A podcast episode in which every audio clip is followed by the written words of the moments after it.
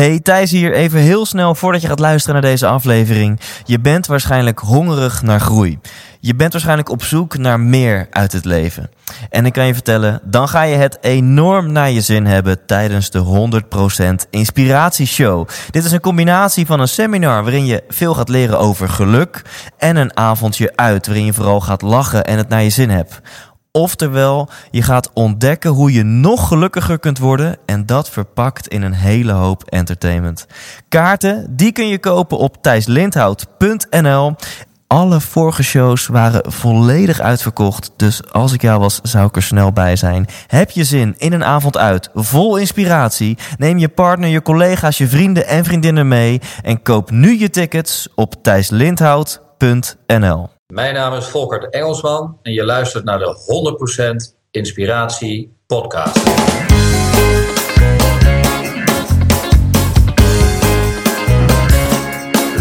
Hey, wat goed dat je luistert. Hij staat weer voor je klaar. Je wekelijkse dosis inspiratie is weer daar. De allerleukste gasten geven al hun kennis prijs. Met je veel te blije host, hij praat je bij. Zijn naam is Thijs. Thijs, Thijs,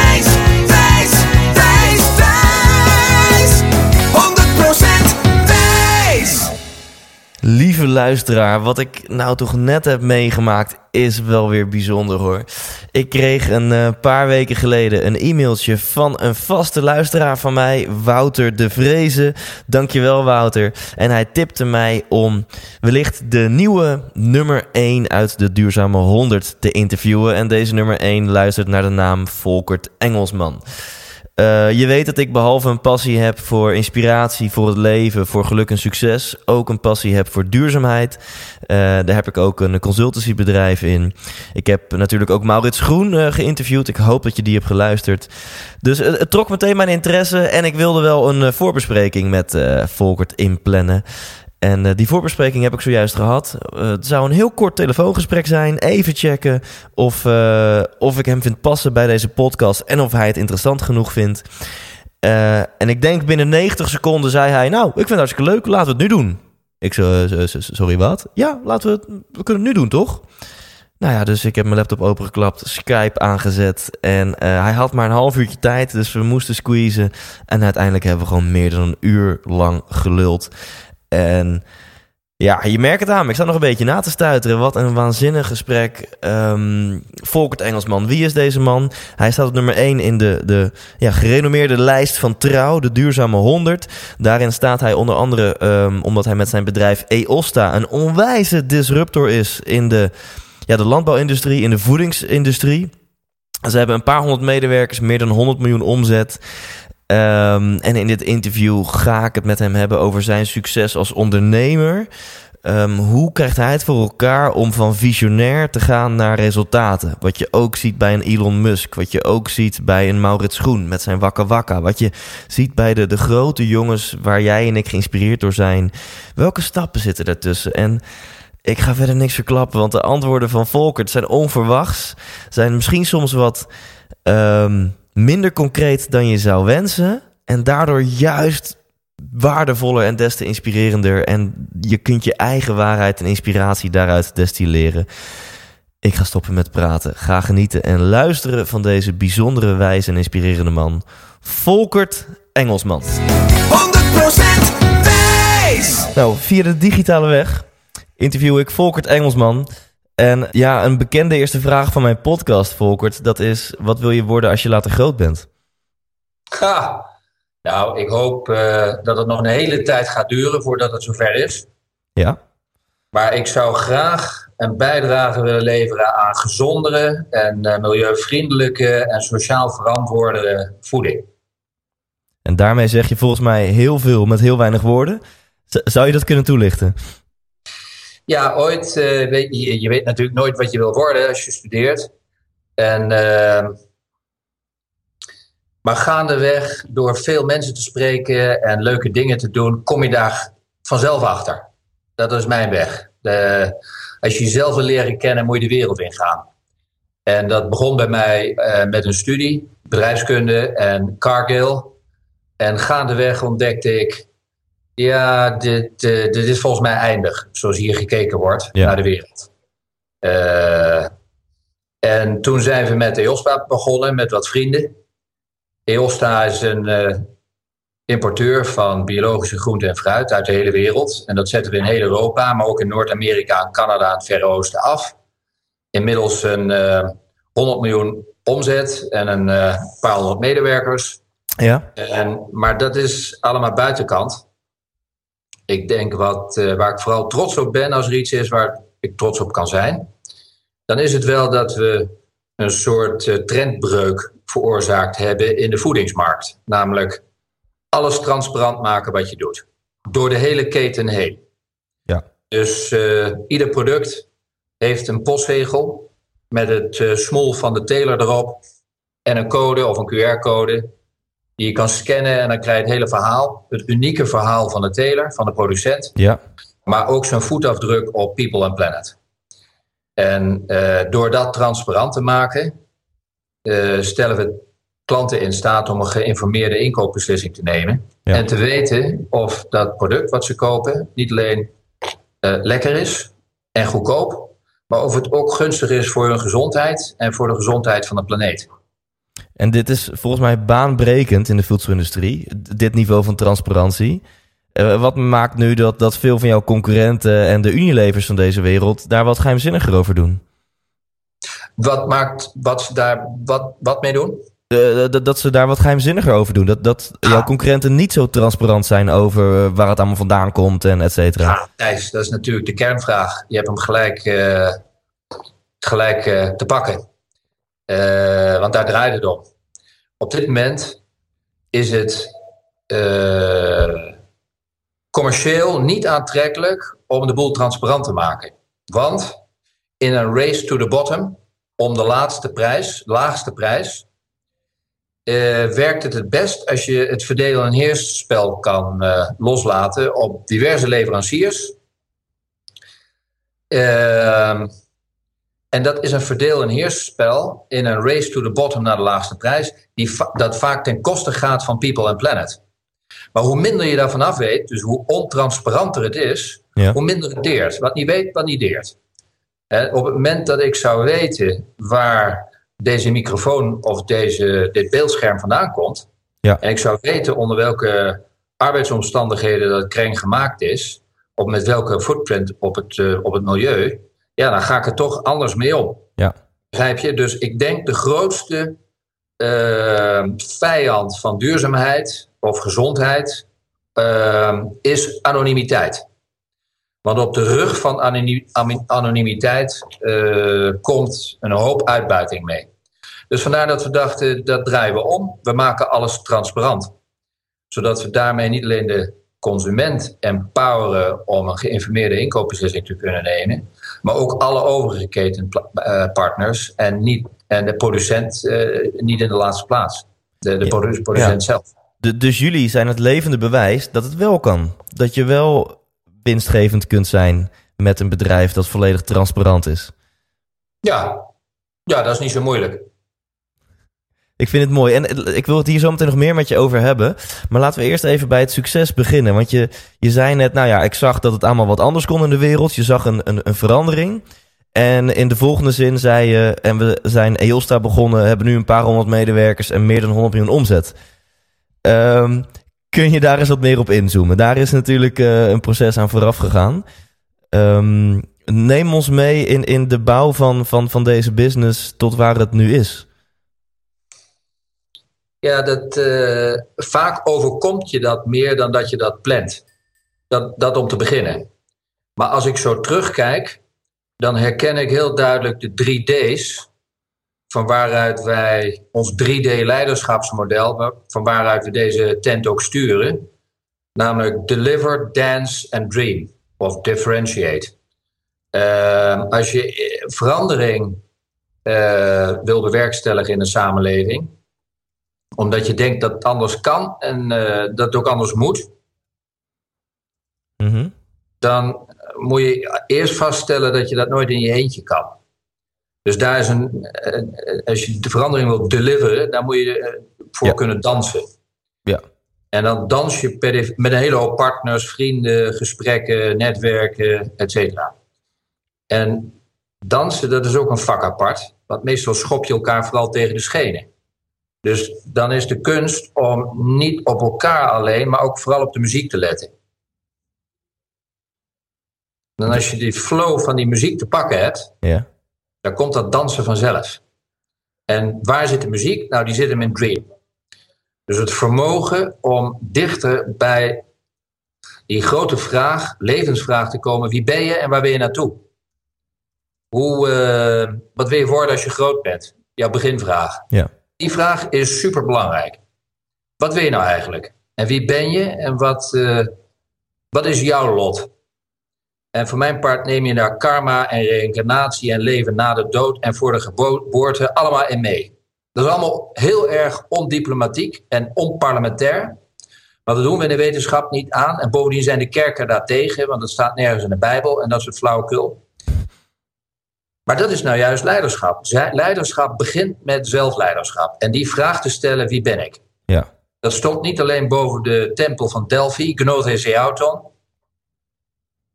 Ehm, de vraag naar de beroemde zelfkennis. Mhm.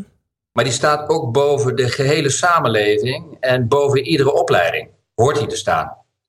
Het enige punt is dat dat in geen enkele opleiding voorkomt. Hé, dus de banken die zeggen nog zo, iedere ochtend, in het verleden behaalde resultaten bieden geen garantie voor de toekomst. Maar op al onze opleidingen doen we alsof dat wel zo is. Ja. Dus ik weet niet of het met jouw opleiding was, Thijs, maar tijdens mijn eh, studie, bedrijfskunde, werd ik alleen maar volgestopt met allemaal resultaten uit het verleden. En die moest je dan ophoesten in een tentamen. En vijf minuten na het tentamen was je alles weer vergeten. Want dat was toch niet relevant voor het leven. Ja. In ieder geval niet voor mij. Dus, ja, maar uiteindelijk had je wel een papiertje en dat was dan je license to operate in een of andere vage corporate wereld. Ja. Ja, dat zijn allemaal schijnvertoningen. De kernvraag is een filosofische vraag, een kentheoretische vraag. Hoezo is er geen leven na de dood? Hoezo niet? Wie beweert dat? Omdat we het niet kunnen zien? Hoezo zouden er geen eh, energievelden in de natuur zijn? Waarvan we heel normaal vinden dat het geheel groter is dan de som delen. Ja. En dat een organisme zeker niet op een mechanistische manier begrepen kan worden. Ja. En desalniettemin richten we de hele leven zo in alsof het mechanisch en materialistisch, kortom, een reductionistische manier van kijken. En met Einstein moeten we vaststellen dat de problemen niet opgelost gaan worden met het denken waaruit ze voortgekomen zijn. Kortom, waar zit dat nieuwe denken dan? Ja, de- dat de- geïntegreerde denken. Nou, dat is, dat is een filosofische en voor lack of a better word, spirituele vraag. En als je dan zegt, nou, die spirituele vraag, die delegeer ik aan een kerk of aan een guru of aan mijn eh, schoonmoeder of zo. Dat is natuurlijk allemaal afwentelpolitiek. Uiteindelijk is er maar één autoriteit waar je verantwoording aflegt. En dat is je eigen hart. Maar ja, daar moet je dan wel met je hoofd bij. En dat is knap lastig. Maar begrijp je, dat kunnen differentiëren tussen wie je bent en wie je wil worden. Dat kunnen dromen over idealen. Hoe zou je het eigenlijk willen? En vanuit zo'n vraag de wereld instappen. Of dat nou tijdens je opleiding is, of tijdens je werk. Of, eh, dat, dat is een grondhouding die super belangrijk is, lijkt me, voor het eh, thought leadership dat nodig is om in de toekomst antwoorden te vinden op alle veranderingen die eh, in een moordend tempo, te- tempo de komende tientallen jaren op ons af zullen stormen. Op het gebied van klimaatverandering, grote migratiestromen, verlies aan biodiversiteit. eh, ik hoef het jou niet allemaal te noemen. Begrijp je? Dat is uiteindelijk een vraag die tussen de oren zit en eh, waar je mee bezig moet zijn en die, waar we veel te weinig mee bezig zijn. En, en, en, en, en als je die vraag hebt, dan creëer, je vanzelf een netwerk met eh, lotgenoten die zelf die, vraag ook he- hebben. En dan kan je gaan co-creëren. Dan ontstaat die dans. En dan ontstaat er ook iets wat groter is dan de som der delen. En dan kan je ook presteren. Dan kan je deliveren. Differentiate, dance, deliver. En uiteindelijk moet het een weerslag vinden in daden. En eh, bij ons is dat een bedrijf geweest, maar dat kan overal in de samenleving. Hè? Ja. Dat kan ook eh, met een podcast. Eh, maar je moet het wel doen. En bij ons is ook het, het motto vaak eerst doen, dan denken. Gewoon eerst maar eens je hart Heerlijk. volgen en, Ja. dan, en dan denken. Ja. Want in het denken daar verzin je ook allemaal obstakels die er misschien in de praktijk helemaal niet zijn. Dus stort je gewoon nog maar in het diepe en heb het vertrouwen dat er een hoop beschermengelen zijn. die jou komen helpen. Voorwaarde is wel dat je juist, juist de vraag hebt. Maar dat je Absoluut. trouw bent aan jezelf. Ja. Volkert, eh, wat waanzinnig inspirerend dit. En wat doe je me aan? Ik heb nu al 600 vragen, dus ik ga proberen daar een paar van te stellen. Ehm, wat ik heel mooi vind, je zegt eigenlijk de enige autoriteit waar je verantwoording af voor hoeft te leggen, dat is je hart. Maar dan moet je wel even met je hoofd bij. En eerder zei je, we hebben het over leiderschap, maar het begint bij persoonlijk leiderschap. Ja. En ehm, bij je hart komen is volgens mij voor veel mensen best lastig. Misschien nog lastiger voor hoger opgeleiden. Want, want we worden zo getraind om cognitief te zijn, om analytisch te zijn. Ja. Ehm, hoe heb jij dat in jouw eigen leven aangepakt? Hoe heb jij persoonlijk leiderschap aangepakt? Voordat je bent gaan dansen met een team en bent gaan deliveren en een droom bent gaan leven en EOSTA eh, bent begonnen. Dus hoe, hoe heb jij persoonlijk leiderschap aangepakt in jouw eigen leven? Ja, dat is ook iets waar ik alleen maar eh, heel veel mensen om me heen eh, het krediet voor kan geven. Eh, het lot wilde dat ik op mijn zestiende op een Duitse vrije school landde, waar dat soort vragen gesteld werden aan je. En je kreeg dan, dat heette vrije religionsunterricht. Maar ja, ik zat in, in religion. Dus de katholieke scholieren gingen naar een dominee, of hoe dat heet, pastoor. En er zaten een paar Joodse kinderen die gingen naar een rabbi. En er waren een paar eh, moslimkinderen die gingen naar een imam. Maar ik was niks. Dus ik kwam in de groep vrijdenkers terecht. Die was ook. En eh, daar werden biografieën bestudeerd van grote, inspirerende mensen. Maar daar werd vooral ook gekeken naar de grote Duitse denkers. Goethe, Schiller, Fichte, Heckel, Hegel, eh, eh, eh, Kant, Schopenhauer. Die met deze vraag geworsteld hebben. En die stuk voor stuk ook terugvallen op grote middeleeuwse denkers zoals Thomas van Aquino. Die de vraag stelt in een debat met Averroes, een Arabische wijsgeer. Hoe kan het natuurwetenschappelijk denken weer spiritueel worden? Dat is een beetje een rare vraag natuurlijk. Want natuurwetenschappelijk denken is nou juist de wetenschap van de fysieke wereld. Dus hoe kan het weer spiritueel worden? Ja, een fascinerende vraag. Ja, En vanuit daar verwezen ze weer naar de grote Griekse wijsgeren. Aristoteles en Plato.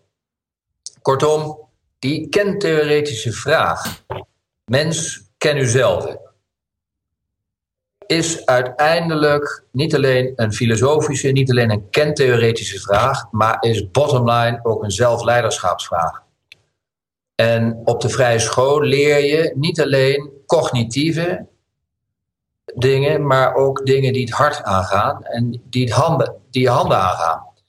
Dus ik heb ook veel inspiratie geput uit hele praktische vakken, zoals eh, muziekinstrumenten bouwen, koperdrijven, smeden, eh, kunstzinnige vakken, landbouwvakken, etc. Waar je dus ongeacht de scheiding tussen VWO, HAVO, MAVO eh, met z'n allen naartoe ging. ja, En ook de Mavisten en de Havisten, die kregen al die kentheoretische vakken en die, die, die filosofische vakken. Maar ook al die zogenaamde slimmerts, in hun hoofd dan, hè, die kregen ook al die landbouwvakken en ook al die praktische vakken.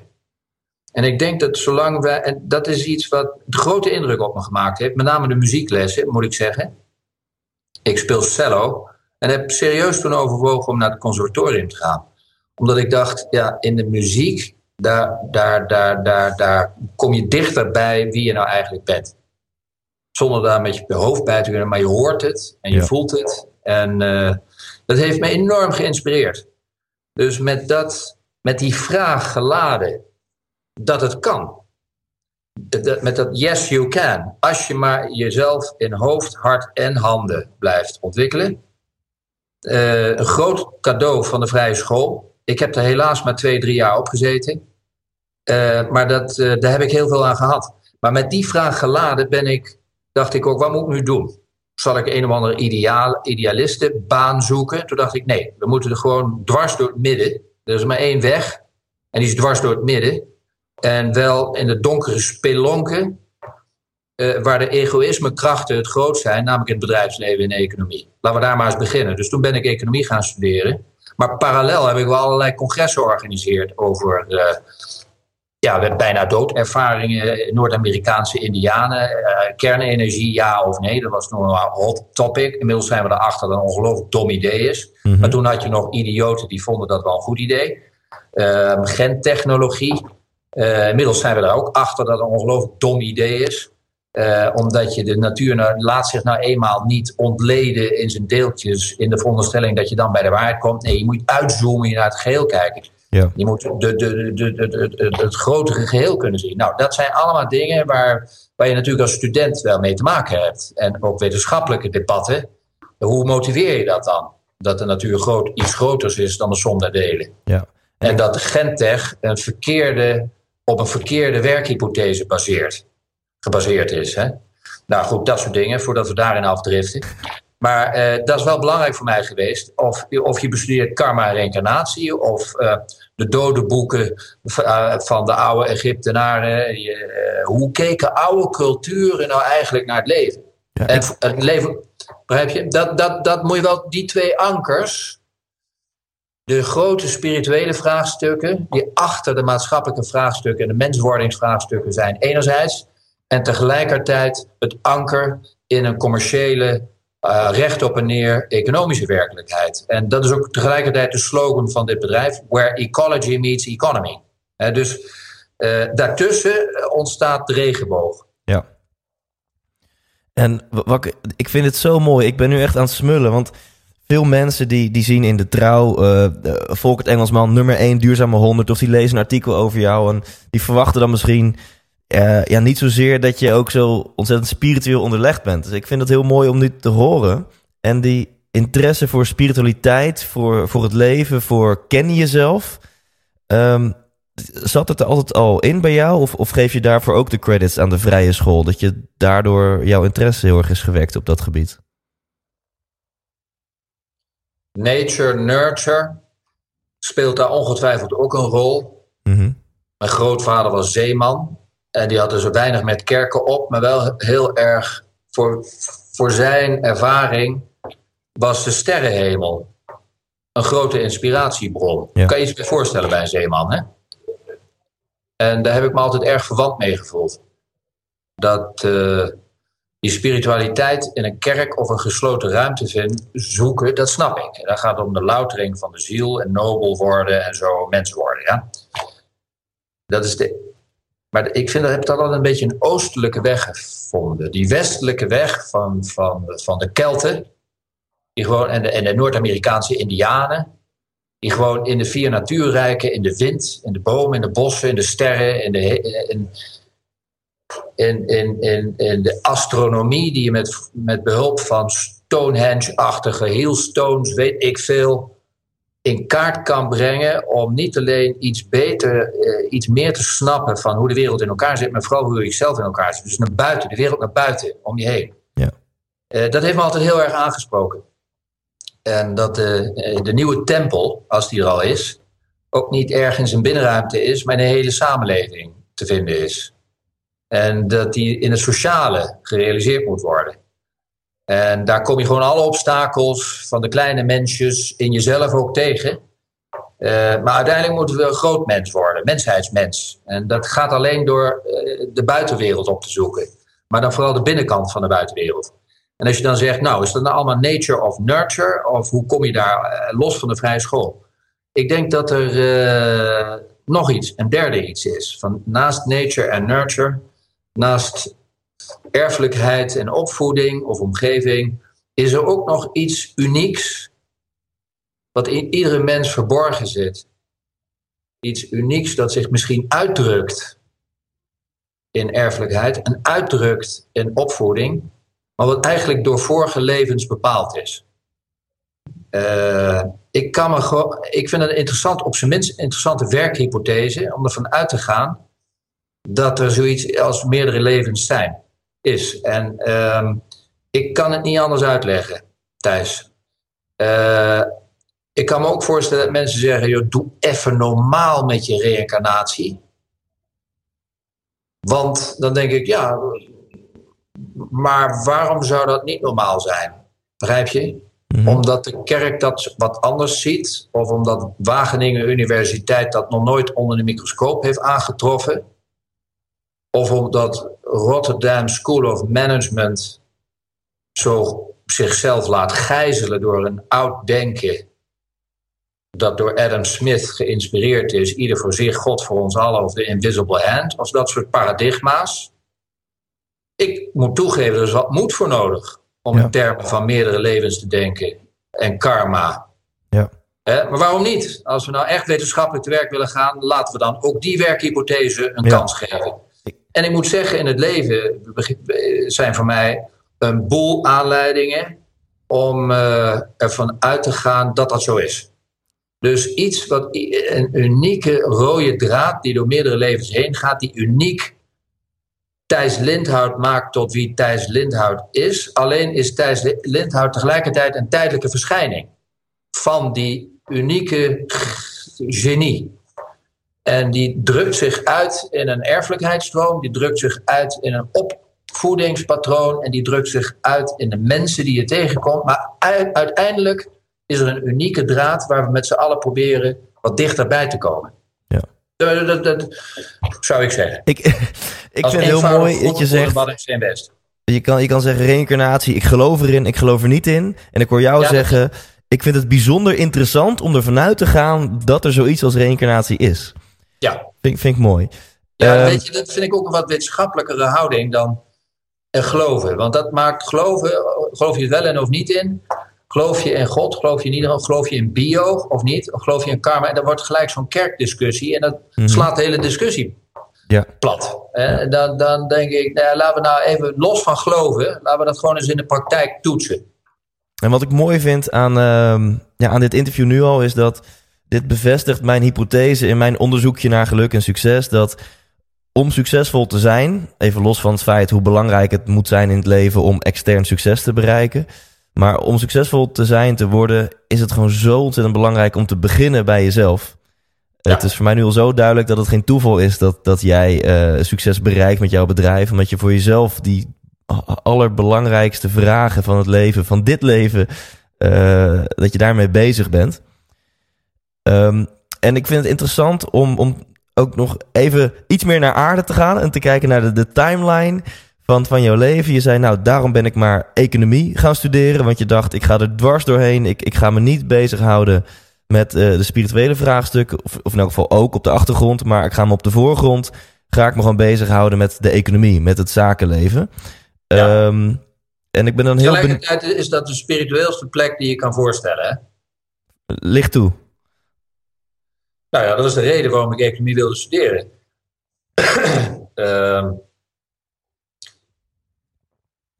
op zoek naar de krachten die eh, leiden tot wat we nu aantreffen in de wereld. En op het moment dat je die weet te transformeren naar andere krachten, er zit natuurlijk een ongelofelijke berg perverse prikkels in die economie. Bijvoorbeeld een winstdefinitie die uitbuiting van people en planet toestaat, zonder dat de vervuiler daarvoor betaalt of de boosdoener ervoor betaalt. Dat is niet alleen in strijd met het aansprakelijkheidsbeginsel, wat we als rechtsstaat volgens mij met elkaar overeengekomen zijn, maar het is tegelijkertijd ook een heel raar pennywise pound foolish iets. Dat we de stoelpoten onder ons eigen bestaan wegzagen en degene die dat het meest succesvol doet, die maakt de meeste winst. Dus degene die de mensen in sweatshops in China het meeste uitbuit, kan een lagere prijs voor zijn product realiseren dan iemand die dat niet doet. Ja. De, en datzelfde geldt voor de planeet. Dus dat is raar. Maar goed, terug naar jouw vraag. Waarom is dat de meest spirituele plek op deze planeet? Omdat ik denk dat dat de grote, die, die, die schaduw die de economie veroorzaakt in een people and planet context, tegelijkertijd een slagschaduw is van een heel groot licht. En daar moeten we bij zien te komen. En uh, wat blijkt? Dat als je dat zoekt, dat je met een handjevol mensen enorm verschil kan maken. Ja. Als je maar een klein beetje van dat licht weet aan te tappen. En, en dat licht, dat is onder andere where ecology meets economy. Bijvoorbeeld, ja. Ja. En um, waar ik heel erg op zoek naar ben in, in jouw verhaal, je bent duidelijk een visionair. Um, je hebt het gehad over uh, jouw idee om, om EOSTA te beginnen. Je hebt het ook al gehad over de resultaten die je daarmee hebt behaald. Daar kunnen we het zo nog even verder over hebben. En ertussen zit nog een heel groot gat. Dus ik kruip even ook in de huid van mijn luisteraar. ook bij een verhaal als bijvoorbeeld Maurits Groen met zijn Wakka Wakka. Of Elon Musk met, met onder andere zijn bedrijf Tesla. Um, er zit altijd een heel groot gat tussen de, hè, de, de, het idee, de droom en dat het gerealiseerd is. Kun jij eens wat vertellen over die ruimte daartussen? Dus welk, welke stap heb jij ondernomen afgelopen decennia om uh, dit tot zo'n groot succes te maken? Om van ja, om met Deliver Dance Dream ook werkelijk iets uh, groots neer te zetten? Ja, dat is natuurlijk de kernvraag. Uh, it's the journey, stupid. Wat is de reis? Hoe ziet je reis eruit? En die is natuurlijk never ending. En als je een beginpunt hebt en je ziet nu een soortement van tussenfase, eindpunt van het bedrijf, waar we nu staan, dan uh, wordt er vooral naar de successen gekeken die je mag vieren. En de prijzen en de awards en de top 100 uh, enzovoort. Wat veel interessanter is, is die weg er naartoe. Ja. Want die is ongoing, die gaat gewoon ook verder. En uh, dus dat is een hele goede vraag. Uh, nou, heel praktisch. Uh, ben ik na mijn studie, had ik geen idee wat ik wilde doen. En toen kwam ik Cargill tegen, een groot Amerikaans commodity trading bedrijf, grootste ter wereld. Met iets van 80.000 mensen, maar ook tegelijkertijd onbekend. Maar die controleren eigenlijk de volledige commodity wereld. De, graan, de granen en suikers en koffies en cacao's van de wereld. Ja. En dat wordt verhandeld via de Chicago Board of Trade, waar ik een tijdje gewerkt heb. Uh, maar ook via allerlei financiële commodities op Wall Street.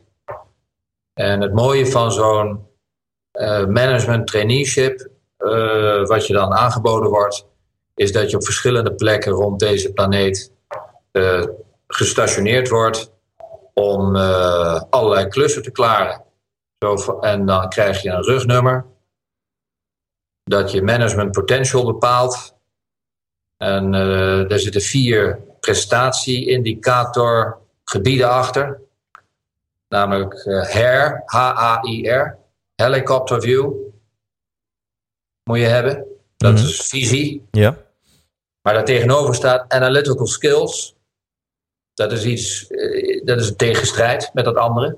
Maar of je bent ambtenaar of je bent dromer, weet je wel. Maar goed, de leider is, die kan beide. Ja. Ik kan zich zowel in de details verdiepen als het grotere plaatje zien. Dat is HA. En dan zit er nog zo'n mooie tegenstrijdigheid in, namelijk imagination, sense of imagination en sense of reality. Oftewel IR. Oftewel, je moet kunnen imagineren. Nou, daar begon het gesprek mee. Hoe doe je dat eigenlijk, imagineren? Als je niet terug kan vallen op een studieboek of een syllabus of wat de dominee of de imam of de rabbi of zo gezegd heeft. Of wat Ajax of Feyenoord ervan vindt, of de niet-Marokkanen. We weten heel goed wat de groep ervan denkt. Maar wat vind jij er nou eigenlijk van? En hoe kom je bij die bron, die creatieve bron in jou? Hoe ontwikkel je die nou eigenlijk? Nou, daarvan zegt een Amerikaans pragmatisch bedrijf: dat zal maar een bied wezen hoe je dat ontwikkelt. Belangrijk vind, belangrijker vind ik of je het hebt of niet. En of je dat ontwikkelt of niet. Dat is die I. Maar tegelijkertijd moet je ook wel met je pootjes, beide pootjes op de grond kunnen staan. En weten waar Abraham de mosterd haalt. Of gewoon rechtop en neer gesproken. Mm -hmm. Je moet ook wel een beetje gehaaid zijn. Ja. Dus wel een handelshuis. Ja. En normaal gesproken sluit elkaar dat uit. Je hebt de creatievelingen, maar die zijn zeker niet commercieel. En je hebt de realisten die zeggen van doe even normaal joh. Dat heeft nog nooit iemand gedaan. Dus dat kan niet. Of Ja. dat heeft iedereen al gedaan. Dus dat kan niet. Of ja, daar kan iedereen mee aankomen. Dus dat kan niet. Begrijp je? Altijd een re- dat is realisme. Ja. Maar eh, een creatieveling, ja, die staat er anders in. Maar, maar je moet beide kunnen. Dus dat sprak me heel erg aan. Daar heb ik heel veel geleerd van dat bedrijf. Eh, een hoop zelfkennis, eigenschappen. eh, zelfkennis opgedaan. eh, veel op mijn bek gegaan. Maar het mooie van die Amerikaanse cultuur is dat niet de keren dat je op je bek gaat tellen, maar de keren dat je weer opstaat. En dat er ook een sfeer en een cultuur is in die Amerikaanse bedrijven die dat mogelijk maakt. Je krijgt iedere keer, iedere dag weer een nieuwe kans. Today, the first day of the rest of your life. Oftewel, fuck the rest. Ja. Dus eh, niet terugkijken, vooruitkijken. En dat is ongelooflijk optimisme zit daarin. Ja. Dat kan ook tot opportunisme of populisme leiden, waardoor je rare bijverschijnselen gaat zien. Mhm. Presidenten die een beetje de weg kwijtraken. Maar, die, maar uiteindelijk is de Amerikaanse spirit, daar heb ik enorm veel van geleerd. Dat doen en gewoon, eh, doe nou eerst maar en then take it to the next level. Dat idee. Ja. Ehm, goed, dat heb ik zes jaar gedaan. En dan kom je aan het einde van wat de Duitsers noemen je wanderjaren. Eh, die wanderjaren, ja, dat, dat, dat is tussen je twintigste en je dertigste, zeg maar. Of tussen je studie en eh, dat je eigenlijk gaat settelen. Eh, dan moet je zoveel mogelijk van de wereld zien. En dat heb ik eh, volop gedaan, dankzij Cargill. Maar ook, dat was een soort fysieke journey, een business journey. Eh, een heel erg corporate journey. Eh, maar te- daar parallel organiseerde ik al die congressen.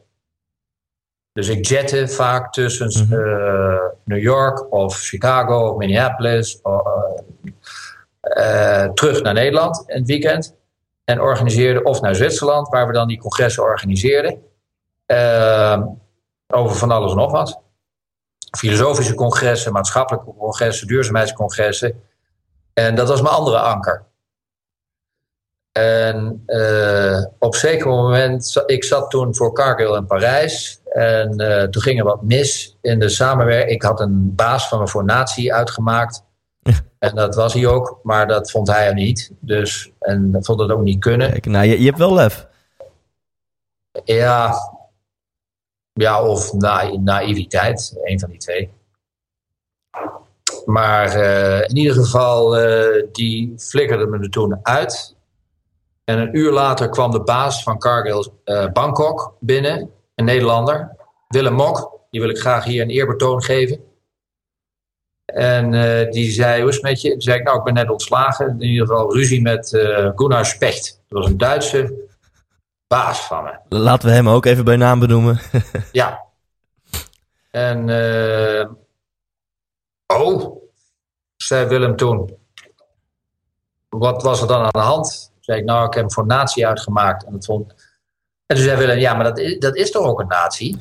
Dus nee, niks, ontslaan. Jij komt met mij mee naar... Want ik ben, word de nieuwe directeur van Cargo Amsterdam. Jij komt met mij mee naar Amsterdam. Nou, dacht ik, doen we dat. Maar eigenlijk had ik in dat uur al de beslissing genomen dit, ik, dit is tijd voor eh, to move on. Ja. En kennelijk heeft het lot mij nu een duwtje gegeven. Ja. Maar. eh, dus toen ben ik naar de IKEA gegaan, heb een eh, meubelhouten plank aangeschaft en wat schragen en een telefoon en een eh, faxapparaat en een computer. En ben gewoon maar wat begonnen.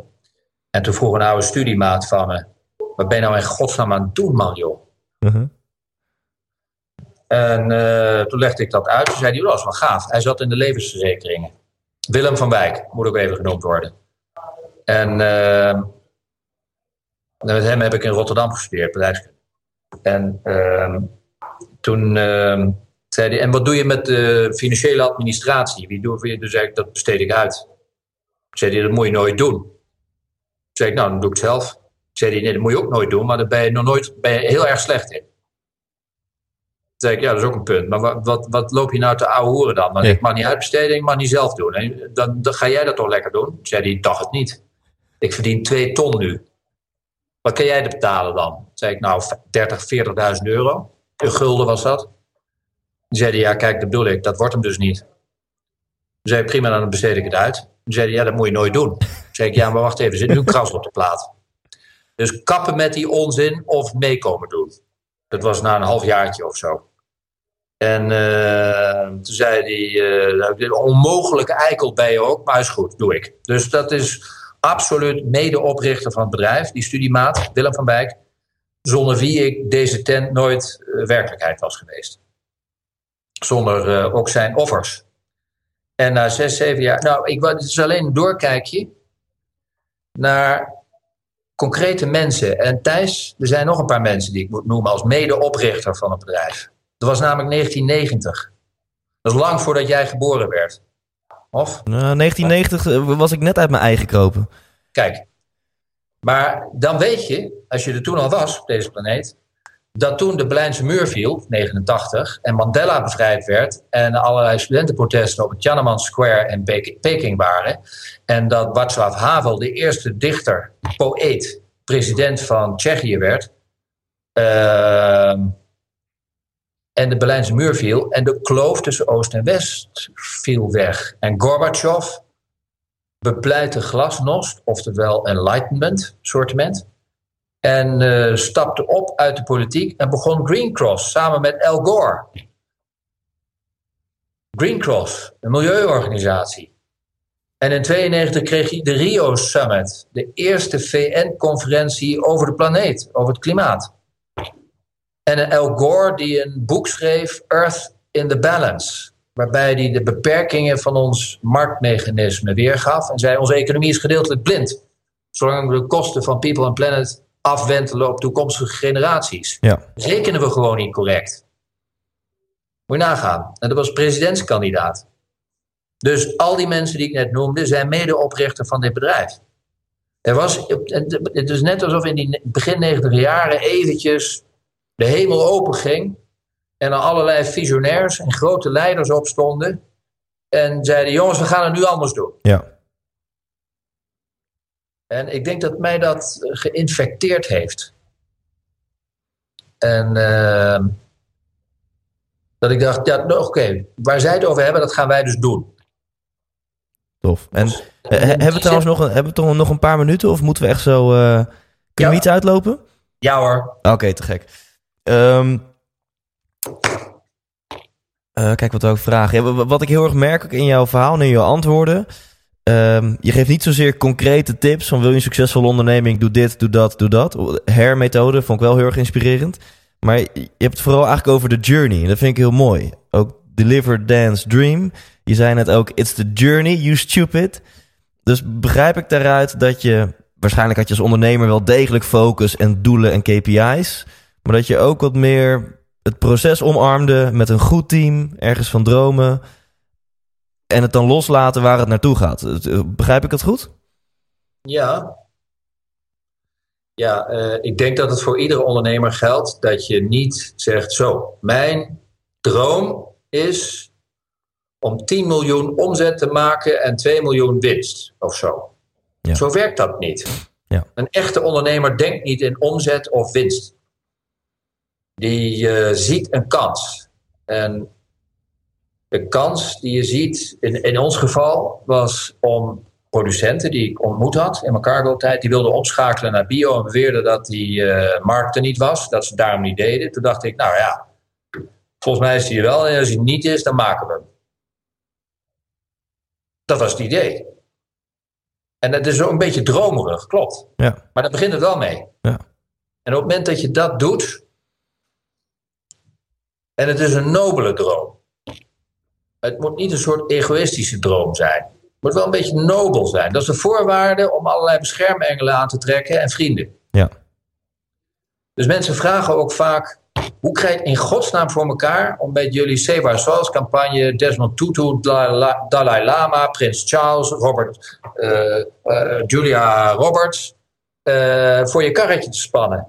Want alleen een Julia Roberts die kost al 6 miljoen promotiegeld voor, uh, weet ik veel, cosmetica concern promotie. Maar uh, dus hoe kan nou een groenteboer in Waddingsveen West uh, dat voor niks krijgen? Nou, het antwoord is dus in doe je het voor jezelf of doe je het voor de wereld? Ja. Dus zo simpel is het. En op het moment dat je je voor de wereld inzet, dan komen de beschermengelen uit alle gelederen te hulp. En dat kunnen studievrienden zijn, dat kunnen grote inspirerende leiders zijn, dat kunnen VIP's zijn, dat kunnen NGO's zijn. Maar om lang verhaal kort te maken, daar hebben we dus het succes van dit bedrijf aan te danken. Ja, kunnen we dan eh, concluderen met z'n tweeën dat als jou, als het klopt, hè, dus als je goed eh, met je hoofd bij je hart bent gekomen en vanuit wie jij echt bent, vanuit je ik, eh, ga je met gezonde passie zo het leven in, met een droom misschien. Dus als het allemaal klopt en het is allemaal integer en authentiek, dat dan het universum misschien wel vol beloningen zit. Kunnen we dat Ja. concluderen? Ja, dat, dat vind ik, dat vind ik een spot-on conclusie. En eh, ik zou het iets anders verwoorden, want dicht bij jezelf komen, dat is, klinkt ook weer als een soort eind, eh, statisch eindproces denken. Van ik ga eens even uitvinden wie ik ben en dan ga ik co-creëren en, dan, en dan komt het universum te hulp. En zo werkt het niet. Eh, die, dat, vooral die eerste fase, die bestaat vooral uit een vraag. Vragen. Oprechte vragen. Het durven met vragen te leven. Begrijp je? Ja. Want je komt er voorlopig niet achter wie je bent. En of er wel of niet een vorig leven was. Je kunt het gaandeweg een beetje gaan aanvoelen. En dichterbij komen. Of je in je eigen energie, in, je, in flow komt. Of er een flow ontstaat tussen wie je bent en je omgeving. Dat voel je wel.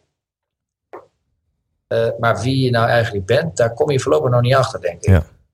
Dus vandaar ook dat wij dat tot een belangrijk leiderschapsprincipe gebombardeerd hebben in het bedrijf. Gaandeweg pel je dat af. Hè? Dus ook niet dat dat op voorhand allemaal duidelijk is.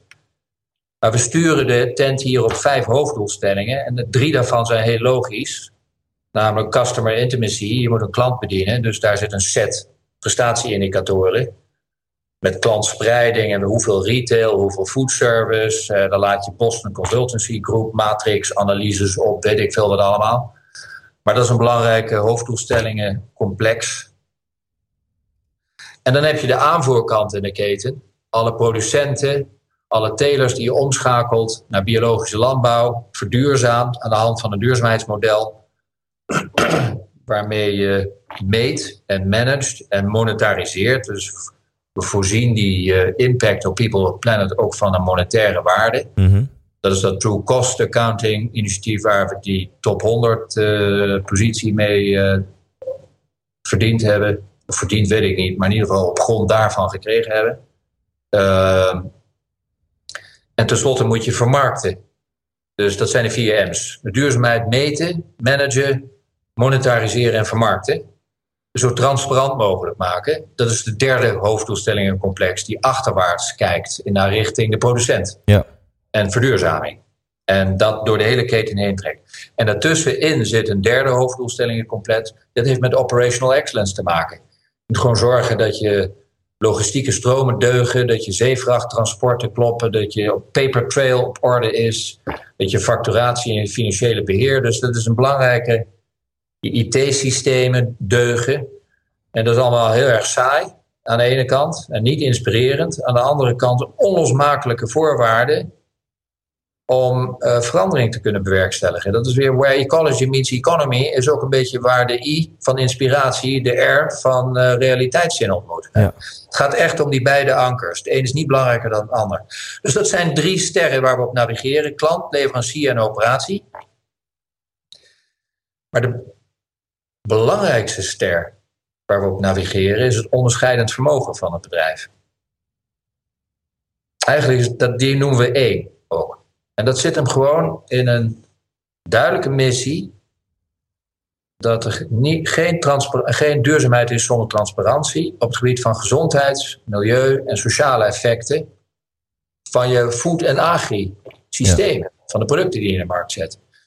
Dus dat Nature and More Trace and Tell systeem maakt dat ook allemaal transparant. Wat is nou de gezondheidswaarde? Wat is de ecologische voetafdruk?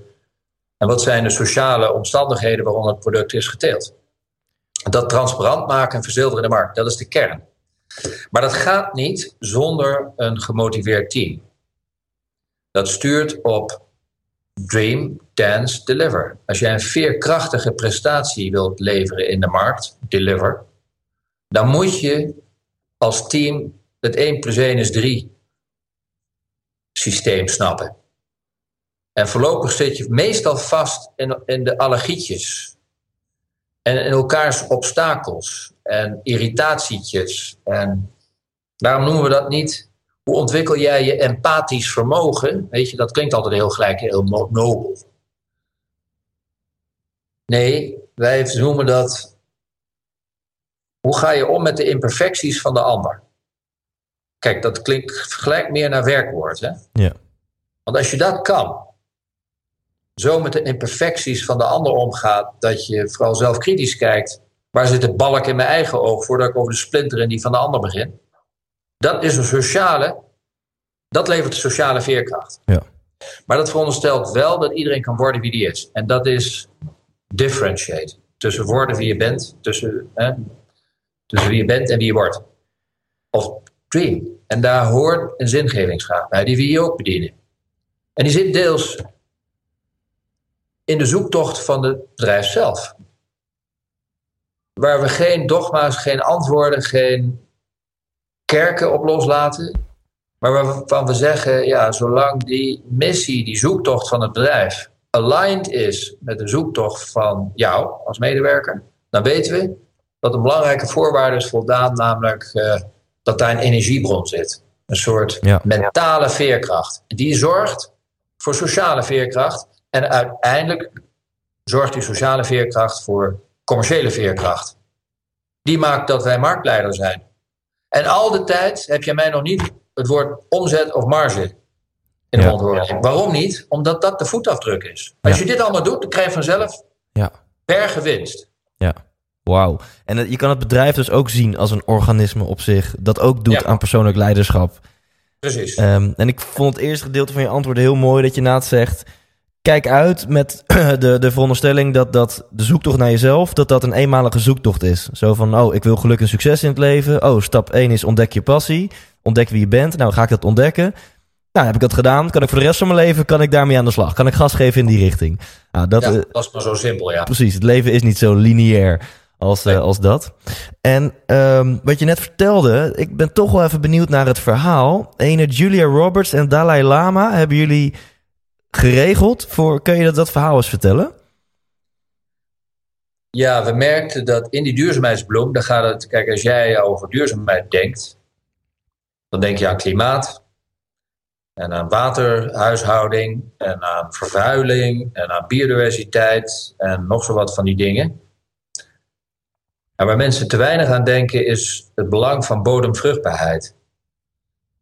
Dat is eh, iets aparts. En de FAO, de Food and Agriculture Organization van de VN, die had vastgesteld dat we op dit moment 12 miljoen hectare aan vruchtbare landbouwgrond per jaar verliezen. Dat is ongeveer 30 voetbalvelden per minuut, Thijs. Dat is dus dramatisch. En als je dan nagaat dat die dunne, vruchtbare bodemlaag als een dunne huid om de aardbol heen, en soms is het water, soms is het woestijn, maar daar waar die nog is, is eigenlijk een niet alleen heel kwetsbaar, maar ook heel magische plek. Waar miljarden micro-organismen op een perfecte manier samenwerken en voor leven zorgen. Zonder die laag zouden we nergens zijn. Kan nog zoveel woestijnen en water hebben, maar dan kom je er niet. Ja. En dat is een soort portal, toegangspoort naar waterbergend vermogen. Is je bodemvruchtbaarheid intact? De sponswerking, dan eh, droogt die minder snel uit en absorbeert hoge regenval makkelijker. Dus de sponswerking voor water is groter. De bron voor biodiversiteit begint, zit in de grond. Maar daar zit ook je vitaliteitsbuffer voor gewassen. Dus het ziektewerend vermogen van een gewas is hoger op een vruchtbare landbouwgrond dan op een arme landbouwgrond. Dat is kwetsbaarder. Mhm. Bovendien zit er een enorm broeikasgas of klimaatveranderings mitigerend effect in de grond, omdat het CO2 bindt vanuit de atmosfeer en omzet in koolstof, in bladmassa en de zuurstof weer uitademt. Bovendien, als je die grond om zeep helpt met kunstmest, dan draag je voor 20% bij aan het wereldbroeikasgasprobleem. Wordt veroorzaakt door kunstmest. Het lachgas. Je helpt niet alleen bodemprocessen om zeep, maar je jast ook nog eens een keertje hele hoop verkeerde broeikasgassen de lucht in. Dus wij dachten, oké, bodem is it. It's the soil, stupid. ja, er zijn zoveel dingen. Maar we dachten, we gaan eens even de bodem centraal stellen. Dus toen hebben we een campagne verzonnen. Die heette Save Our Soils, SOS. Vonden we een leuke alliteratie. Want, zeiden we, the soil is the limit, not the sky. En misschien is biologische landbouw een soilution. U weet. En u, beste klant, kunt ook soildier worden. Of soilmate. Niet soulmate, maar soilmate. Hoe dan? Nou, door een uh, stoeptegeltje uit de grond te rukken en daar wat compost in te doen en een guerrilla farmpje te beginnen. En dat te YouTuben, bij voorkeur terwijl de politie je probeert te stoppen. en degene die dat het meest disruptief doet en creatief, die kan een prijs winnen. Naar groot biologisch landbouwproject in Egypte, waar maten van ons 10, 20, 30.000 hectare volledig dode Sahara woestijnzandgrond omtoveren in metersdikke zwarte humusgrond met behulp van biologische landbouwtechnieken. Wauw. Dus dan kan je zien hoe we woestijnen weer kunnen omvormen in vruchtbare landbouwgrond zonder 1 gram agrochemie of kunstmest. Uh, goed, werd toen een beetje onrustig in Egypte. Dus toen uh, hebben we gezegd, nou, nou kan je een prijs naar Syrië winnen. Uh, nou goed, dat was ook niet populair. Wou dat zeggen, want daar is het lekker, lekker vertoeven. Want daar is het lekker vertoeven. Maar om lang verhaal kort te maken, dat hadden we op miljoenen verpakkingen. Iedere week weer. Tientallen miljoenen verpakkingen hadden dat Save Soils logo. Er was een vorkje en een mesje en ertussen een composthoopje. Met daar Save Soils in. En ook dat is niet onze verdienste. We waren daar meer ketenregisseur en creatieveling en uh, omzetter dan dat we het nou allemaal deden. Uh, want uh, het succes kwam uit de samenwerking met de FAO, met andere VN-departementen, maar ook met Greenpeace, met Milieudefensie, Friends of the Earth, met een hele hoop 200 NGO-partners over dance en co-create gesproken. Dat was een uh, weergaloos staaltje van slimme samenwerking met onderzoekers, uh, beleidsmakers, NGO's, stichtingen, voorlichtingsclubs, etc. 200 partners hebben zich toen achter die campagne geschaard. En toen was er een congres met Desmond Tutu. Plus die nodigde ons voor een weekje townships in Zuid-Afrika uit om daar met jeugdleiders te werken aan leiderschapsvraagstukken. Dus die lieten we toen ook even een guerrilla-farmpje graven. En dat ging toen als een lopend vuurtje. Dat uh, deed de Dalai Lama ook. En Renate Kunast en wat bondsdagleden in Berlijn deden het ook. En de secretaris-generaal Graziano da Silva van de FAO deed het ook. En uh, een goede vriend van me, Doug Tompkins van Patagonian en The North Face en Esprit, zo'n grote kledingmerken. Ja. Schoolmaat van uh, Steve Jobs, zo'n echte San Francisco, Californiër. Uh -huh. Die nog uh, ten tijde van de, in de hippie-tijd naakt rondliep samen met Steve Jobs op die biologische appelplantage die ze hadden in die commune. Waar ze naast uh, wat programmeerwerk ook hashish rookten en de wereld aan het verbeteren waren en biologische appels teelden. En Jobs ging de IT-kant op, Doug ging de fashion-kant op. Is daar multimiljardair mee geworden en heeft vervolgens de hut verkocht en 2 miljoen hectare kwetsbare natuurgebieden in Argentinië en Chili opgekocht. Uh, die houdt hij uit de handen van Monsanto en, andere, en Cargill en andere engerts. Mhm. En schakelt hij om naar bio of naar natuurreservaat en doneert het Zwicky dan terug aan de lokale regering nadat ze even een contractje getekend hebben dat het voorlopig wel zo moet blijven. Ja. Gave gast. En die, uh, had, uh, die is ook weer goed bevriend met Julia Roberts. Dus uh, zo was de link tot stand gekomen. En voordat wisten was Julia Roberts ook opgeleid achter deze campagne. Maar begrijp je, los van dat het ons een enorme berg omzet gebracht heeft. Daar ging het ons helemaal niet om. Ja. Dat was een soort, als je over je schouder keek, dan zeg je, oh ja, ja dat is mooi meegenomen. Maar daar ging het niet om. Het ging om de aarde redden. Ja. Zo simpel is het. En het is niet zo dat jullie dachten, wij zullen en moeten Dalai Lama en Julia Roberts hebben. Dus we gaan Nee, met een management contact opnemen en we gaan ze overtuigen en pitchen. Nee. Jullie hebben gewoon je hart gevolgd, zijn met een actie gekomen. En dan is dit toevallig, zeg maar, maar ook weer niet toevallig op jullie pad gekomen.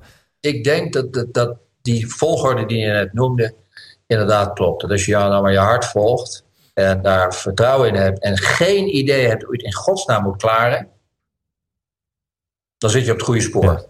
Tot slot, En kan dan moet je je... het gewoon maar eens doen. En voordat je het weet, krijg je hulp vanuit het universum. In de, in de vorm van concrete mensen en eh, partijen. En samen co-creëer je, dance je naar, de, naar een eh, commercieel buitengewoon attractief resultaat toe. Zo Ja. werkt het.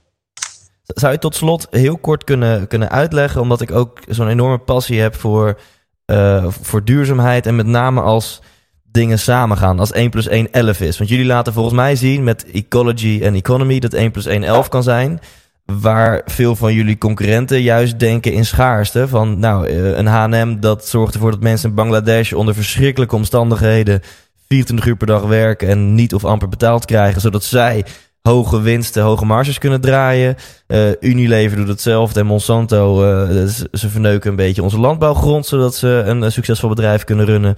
En jullie laten zien, het, het, het is geen win-lose, het is win-win. Dus Ja. kun je misschien, om, om mijn luisteraars, ondernemers te inspireren en ook misschien wat aandacht te vragen voor hoe, hoe mooi eh, ja, duurzame maatregelen kunnen zijn. Kun je eens wat vertellen over hoe jullie het voor elkaar krijgen dat ecology en economy samengaat? Correct rekenen. Licht toe. Ja, we, kijk, we hebben met een hele rare perverse prikkel in onze economie te maken. Die ervoor zorgt dat we elkaar iedere dag weer uitbuiten.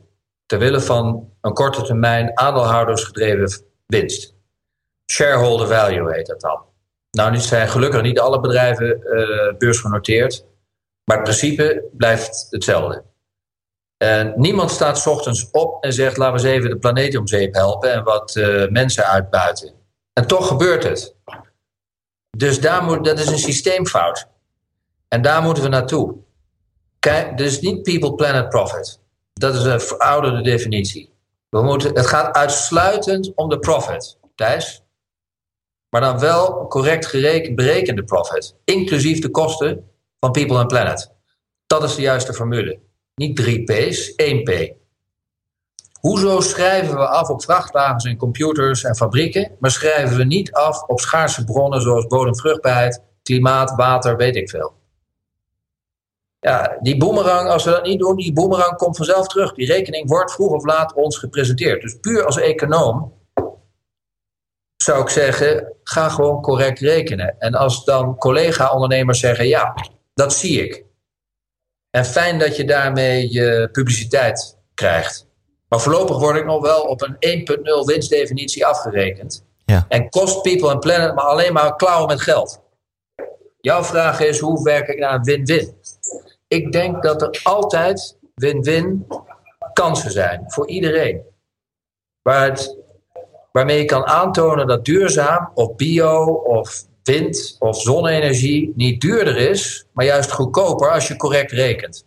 En zelfs als je niet, nog niet correct rekent, zijn er kansen waar je daarmee niet alleen je reputatiemanagement eh, mee versterkt, maar bovendien stressbestendiger, toekomstbestendiger maakt als bedrijf. Hè? Op dit moment krijgen we onverwachte steun vanuit de financiële sector.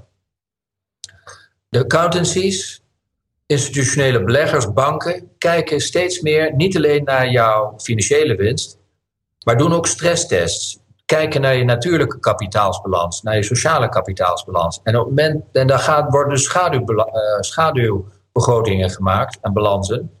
En als jouw voetafdruk groot is, jouw klimaatvoetafdruk of je sociale voetafdruk, en die is groot, dus negatief, dan vormt dat een niet uit de balans blijkende verplichting.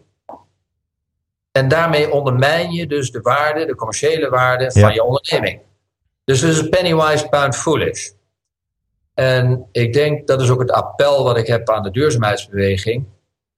Duurzaamheid is al lang niet meer in het exclusieve domein van een stelletje groene denkers alleen. Het begint nu overal op te staan. In de accountancywereld, die naast financiële ook ecologische en sociale balansen en verlies- en winstrekeningen aan het maken zijn. Natuurlijk omdat ze daar aan die assessments ook verdienen. Mm het zit bij institutionele beleggers die zeggen: wacht even, stranded assets. We hebben net klimaatakkoord in Parijs, met of zonder Trump, dat, dat maakt geen zak uit. Uh, want alle bedrijven achter Trump zijn voor klimaatakkoord in Parijs. Dus wat Trump allemaal roept, dat, is, uh, dat zal iedereen een bied wezen. Maar als we dat consequent doorrekenen, dan hebben we nog maar met die anderhalve graden die we ons kunnen permitteren, opwarming, nog maar 500 megaton, gigaton aan broeikasgas te gaan. Maar er staat voor 2.500 gigaton klimaatbroeikasgas equivalente fossiele brandstoffen geactiveerd op de balansen van de grote oliemaatschappijen. Dat noem je stranded assets. Ja. Nee, zeggen dan die partijen, die wetgeving is er nog niet. Dus niks aan de hand. Nee, zegt een risk manager van een bank of van een belegger. Dat kan wel wezen, maar het is wel een risico. Dat op het moment dat jij vier vijfde van je fossiele brandstoffen of voorraden niet kan verzilveren in de markt, omdat er wetgeving om de hoek zit die zich gaat uitdrukken in taxen of in limieten of climate taxes, weet ik veel. Ja, then you're fucked. Is een dingetje. Dat is een dingetje. Begrijp je dus? Ik wou alleen maar zeggen. Ja. Dat is een groot antwoord op jouw korte, simpele vraag. Hoe creëer je win-win situaties? Nou, long term moet je zeggen. De komende tien jaar gaan we grote momenten van disruptive change zien. Daar kan je me beter op voorbereiden als je kiest voor een struisvogelpolitiek, dan moet je vooral zo doorgaan op de oude manier. Maar dan is je hut over tien jaar failliet. Ja. Als je een beetje visie hebt en de guts hebt om over je tuinhek heen te kijken, ja, dan kan je niet ontkennen dat de disruptieve, vooral met klimaattaxen, vleestaxen, suikertaxen, et cetera, dat er ook in een fiscale omgeving dingen gaan veranderen die tot een gelijker speelveld gaan leiden, waarin de vervuiler betaalt en maatschappelijke kosten niet langer afgewenteld kunnen worden op de samenleving. Dus dat is long term. Midterm kan je zeggen, nou, doet mijn reputatie als bedrijf ook goed, als ik me met duurzaamheid bezighoud. En er is geen zelfrespecterend bedrijf wat dat niet doet. Want mhm. als je niet doet, tel je ook niet meer mee. Vandaar dat al die bedrijven in Amerika zeggen: nee, nee, nee, nee we zijn pro-Parijs. Ja. Want anders isoleren ze zich van de wereldmarkt. En short term zijn er altijd quick wins te vinden. Alleen die zijn sectorspecifiek. Wij bouwen nu net een 20.000 eh, meter groot pakhuis, en eh, een magazijn en kantoor. En los van dat er 2 hectare zonne eh, panelen op het dak liggen, is het ook volledig circulair gebouwd. Waarbij de leverancier eigenaar blijft. En ja, ja. Van, van de armaturen bijvoorbeeld. En Philips mijn energienota betaalt. En ik betaal Philips alleen voor de lumen, voor gebruik. Ja, prachtig.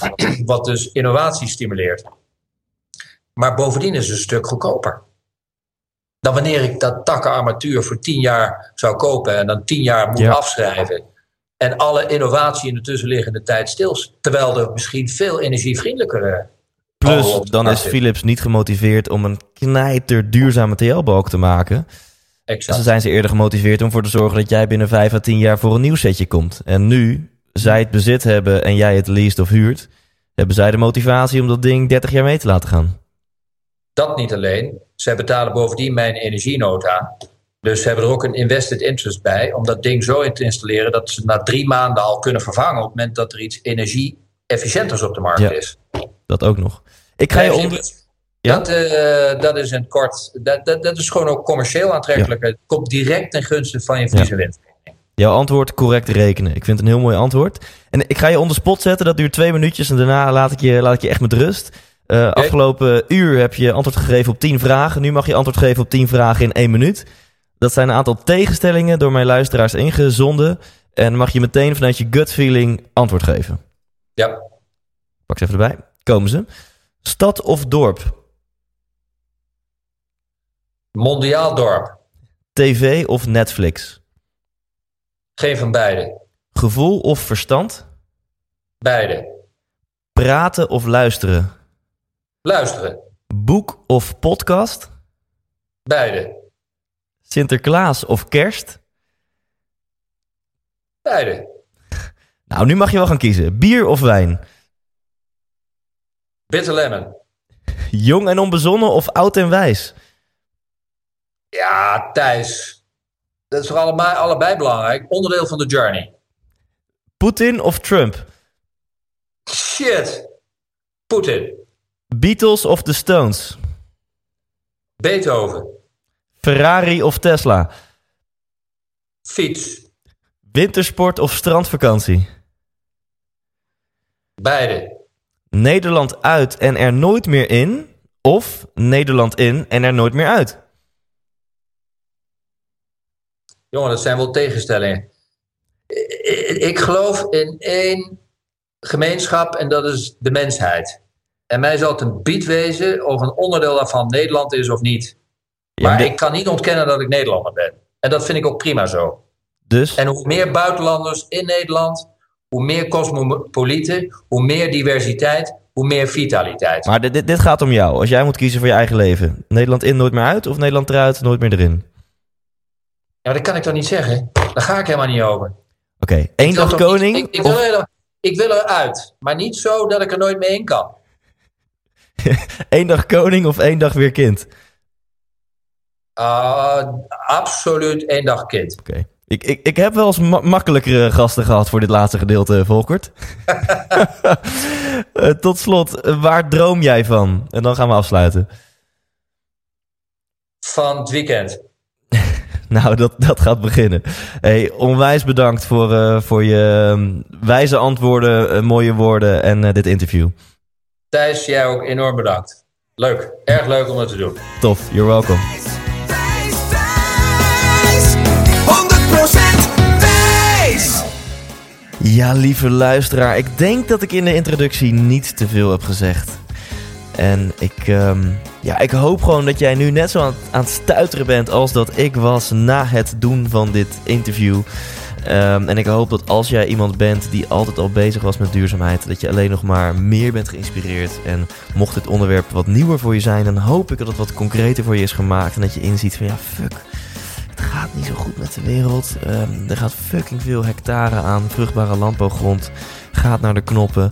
Eh, en zo kan ik nog wel eventjes doorgaan. En Volkert is zo'n man die daar een verschil in maakt. En die gewoon laat zien. Dit, je hoeft niet een geitenwolle sokken type te zijn. Je hoeft niet een linkse maloot te zijn of een duurzame freak. Duurzaamheid is ook gewoon business. Ecology meets economy. En dat vind ik zo mooi. Ehm, of het nu gaat om persoonlijk leiderschap, of het nu gaat om het volgen van je missie, je passie, je droom. In het leven is het toch zo mooi als er win-win situaties ontstaan. Dat 1 plus 1 11 is. En ik hoop dat Volkert je daarin heeft kunnen inspireren. Hij is daar gewoon een waanzinnig voorbeeld van als je het mij vraagt. Ik ga stoppen, want deze aflevering die duurt al veel te lang. Ik knijp er een weekje tussenuit. Ik vind dat ik dat wel even heb verdiend. Keihard gewerkt afgelopen tijd. Dus of er volgende week een aflevering klaar staat, is nog maar even de vraag. Zeg ik nu alvast heel eerlijk. Ik hoop uiteraard van wel. En anders sowieso maandag over twee weken heb ik weer een mooie aflevering voor je. Mijn wensenlijstje breidt zich uit en ik ben weer lekker bezig om, uh, om die mensen in mijn podcast te krijgen. Dus tot de volgende aflevering en leef intens. Hey, wat leuk dat je hebt geluisterd naar deze aflevering. En als je het nog niet hebt gedaan, waar wacht je nog op? Ga nu naar thijslindhout.nl en koop je tickets voor de 100% Inspiratieshow. We gaan lachen, we gaan muziek maken en vooral gaan we samen op zoek naar geluk en succes. Neem je vrienden, je vriendinnen, je partner, je collega's mee. Koop nu je tickets op thijslindhout.nl.